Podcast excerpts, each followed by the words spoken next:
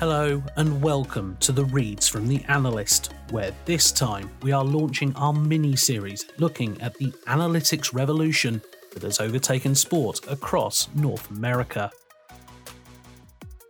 We begin by looking at football, where despite some of the old school mantras of the game, the thirst for knowledge by players, coaches, front offices, and the viewing public is as excessive as any other sport. At the end of this episode, I will be back to give you insight into where you can read more great storytelling like this. But first, please listen to How the Movement Has Changed the NFL and Where It Has Fallen Short by Taylor Bechtold.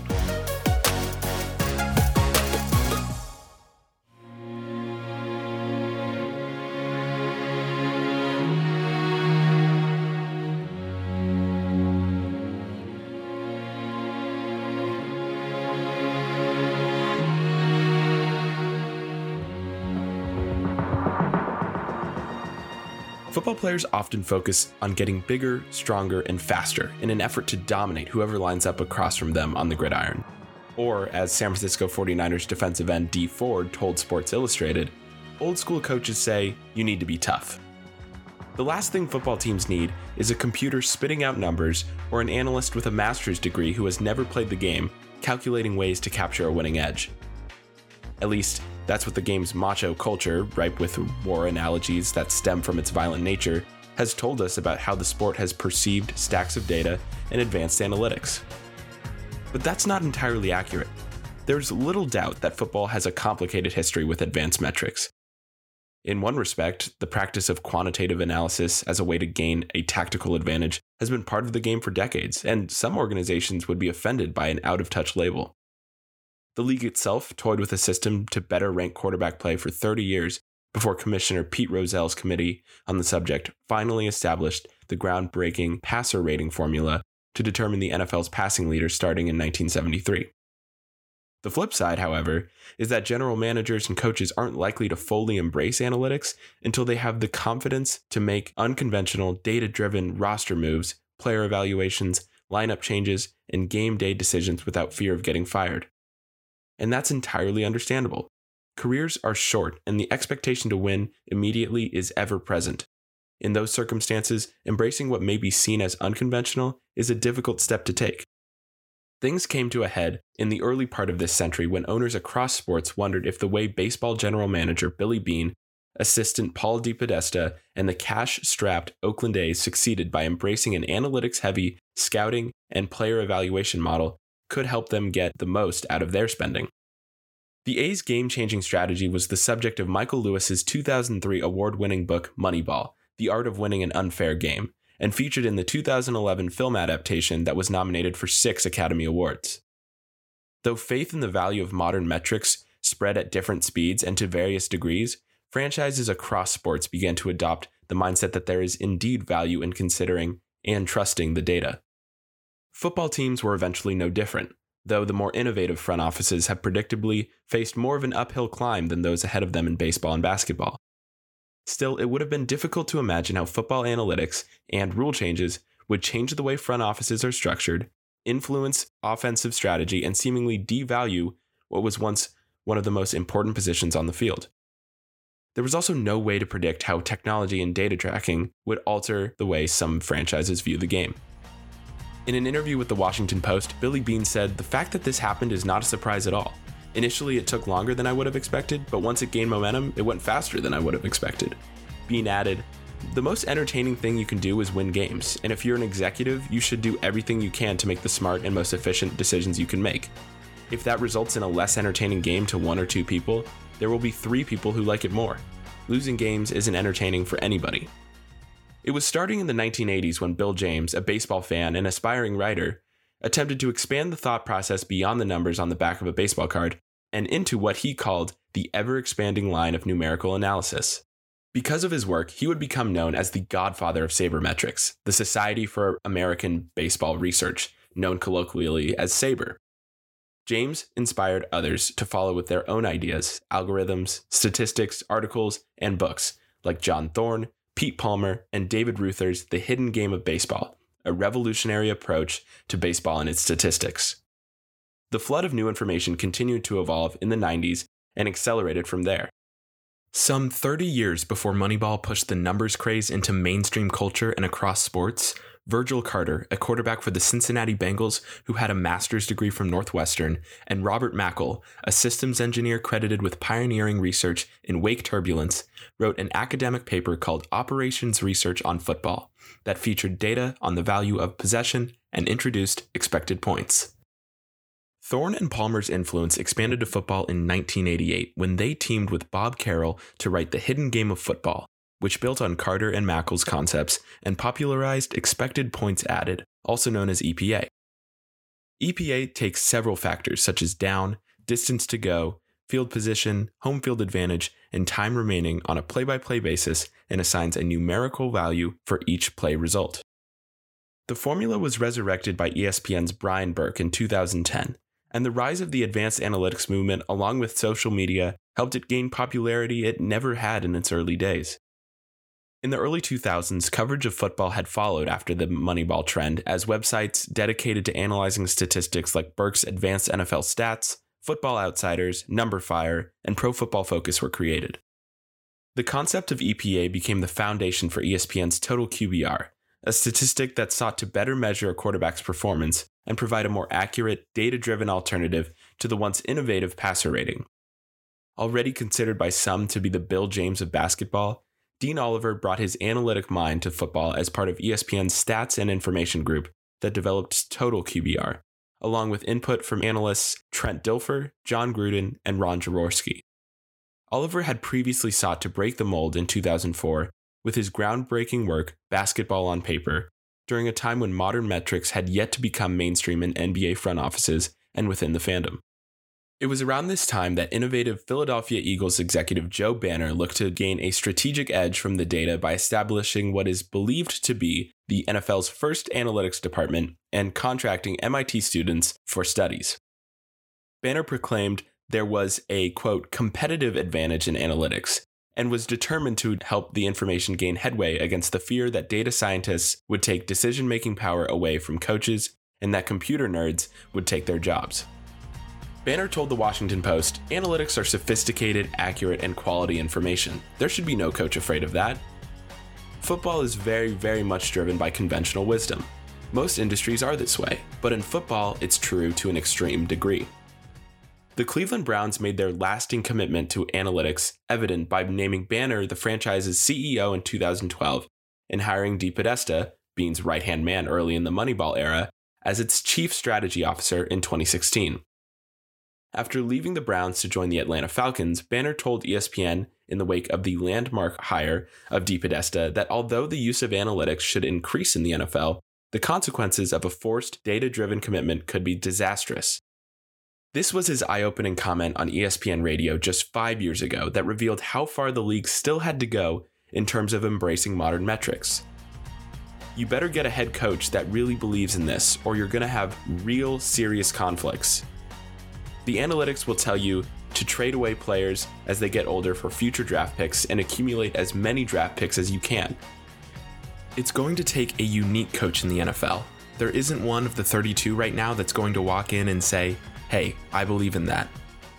Still, there is some evidence that the analytics evolution has trickled down from front offices to coaching staffs, leading to a revolutionary shift in strategy that likely should have occurred much sooner.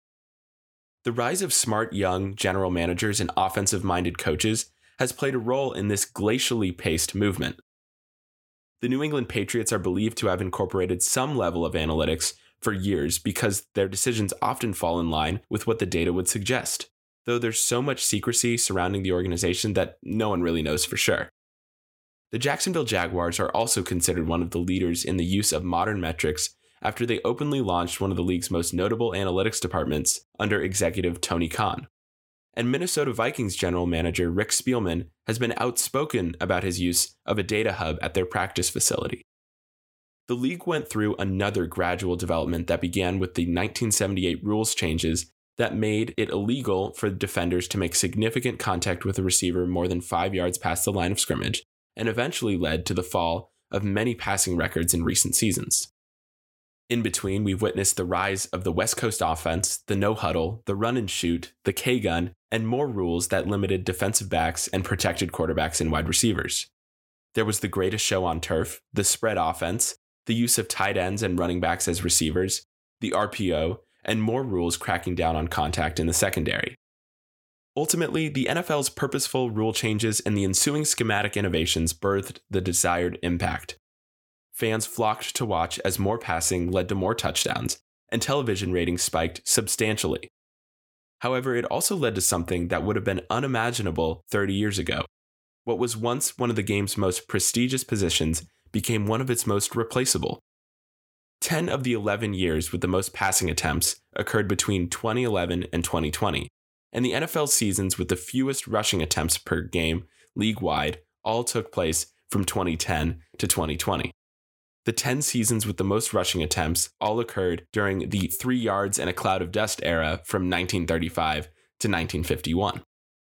With fewer runs, the value of a good running back appears to have plummeted. After 43 backs were taken in the first round of the NFL draft between 1970 and 1979, and 50 were selected from 1980 to 1989, that number dropped into the 30s in the 90s and 2000s before falling all the way down to just 16 between 2010 and 2019. The last running back to be taken with the number one overall pick was Penn State's Ki-Jana Carter in 1995. And since then, there have been 17 quarterbacks picked first overall after Cincinnati took LSU's Joe Burrow in 2020. And with some exceptions, teams have become no longer willing to pay running backs the big bucks they did in the past. According to Spotrac, 12 of the 13 highest paid players last year were QBs, while the top earning running back was Christian McCaffrey at number 58. In some ways, the drafting habits of front offices in recent years expose a shrinking but still lingering divide between them and their coaching staffs. There remain moments that can't be ignored, revealing the game's ingrained conservatism, and the security blanket of the running game hasn't completely dissipated. It wasn't long ago when coach Lovie Smith proclaimed that his Chicago Bears, who have long featured star running backs throughout their history, need to, quote, get off the bus running. In 2019, Chicago media and fans blasted coach Matt Nagy for not running the ball more during a disappointing 8 8 season.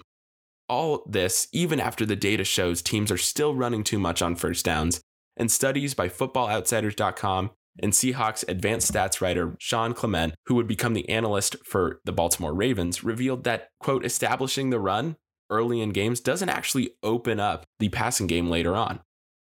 Over the past five years, passing on first downs have averaged an eye opening 7.6 yards per attempt, while rushing plays in the same situation gain just 4.3 yards. And 30.4% of pass attempts on first down have ended up moving the chains but only 12.8% of running plays have picked up another first down. Still, NFL teams ran the ball on 50.3% of their first down plays in 2020 and passed the ball on only 49.7%. So, when should teams run the ball? Well, the data is begging them to do it when it's fourth and two or less to gain. In those situations, the league has converted 63.3% of its attempts since 2012, 67.7% on run plays, and 56.2% on pass plays. Despite the high success rate, teams have opted to punt or try a field goal 63.1% of the time during that span. So the only thing that kept Bill Belichick's famous call to go for it on fourth and two at the Patriots' own 28 yard line against Peyton Manning and the Indianapolis Colts in 2009 from being a sound, data driven decision is that he opted to pass instead of run. Data analysts have compared this decision to the one baseball coaches have faced with bunting, because in that sport, many teams have learned that they shouldn't give up one of only 27 outs they have to work with within a game. Likewise, the data says NFL teams should do everything they can to keep possession of the football. The same could be said about two point tries, as the NFL's conversion rate over the past three seasons has been 49.1%, for an expected value of 0.982 points. Over that same span, kickers have made 93.7% of their extra point attempts for an expected value of 0.937. Still, teams choose to kick the extra point 91.1 of the time from 2018 to 2020. Just because it doesn't work out doesn't mean it's wrong. Ravens coach John Harbaugh used the data to defend his decisions after his team went 3 for 4 on fourth downs, but failed on three two point tries in a 33 28 loss to the Kansas City Chiefs on September 22, 2019. Harbaugh told ESPN, quote, The point was to score as many points as we could. Every one of those attempts was a clear analytical decision to go for two. I could just tell you analytically, like if you look at the numbers, it's not even close. So you understand in terms of the percentage of chances to win the game. I'm just telling you that's what the analytics say. That's what it says. That's how it works. Some teams are trying to figure out how the NFL's player tracking data works after only having access to next gen stats over the past three seasons. Next Gen Stats, which first became a league initiative in 2014, allows forward thinking franchises to build models to analyze plays and players differently. The league itself devised the service in collaboration with Zebra Technologies to collect data from nickel sized tracking devices on the ball and in every player's shoulder pads. It can reveal information such as the path and speed of a pass, a player's acceleration, how tight a window a quarterback was comfortable throwing into, and which receiver gained the most separation on which routes in which situations. NGS has been integrated into game broadcasts and NFL.com, and it provided media and fans an immensely popular note in February by revealing that Chiefs quarterback Patrick Mahomes had run for a total of 497 yards before throwing the ball or being sacked in the Chiefs' Super Bowl 55 loss to the Tampa Bay Buccaneers. The league also created the Next Gen Stats draft model to help teams in the scouting process and determine how a player projects to the NFL based on his athleticism, production, and size profile. Zebra Technologies Vice President John Pollard told the Washington Post It's a hand in glove relationship. Film is always a part of it, but to ignore the power of the information and data available would be for time to pass you by. Despite some remaining resistance from old school contemporaries, the thirst for knowledge in football is as excessive as any other sport, and the desire to get the most wins per dollar is just as high. With a vast expanse of information still undiscovered, the smart teams will continue to leave no rock unturned as they push the limits on how far the data can take them. Eagles exec Joe Banner says, In every field, there's way too much, this is the way we've always done it. And in the NFL, that's particularly extreme. Now comes the major shift.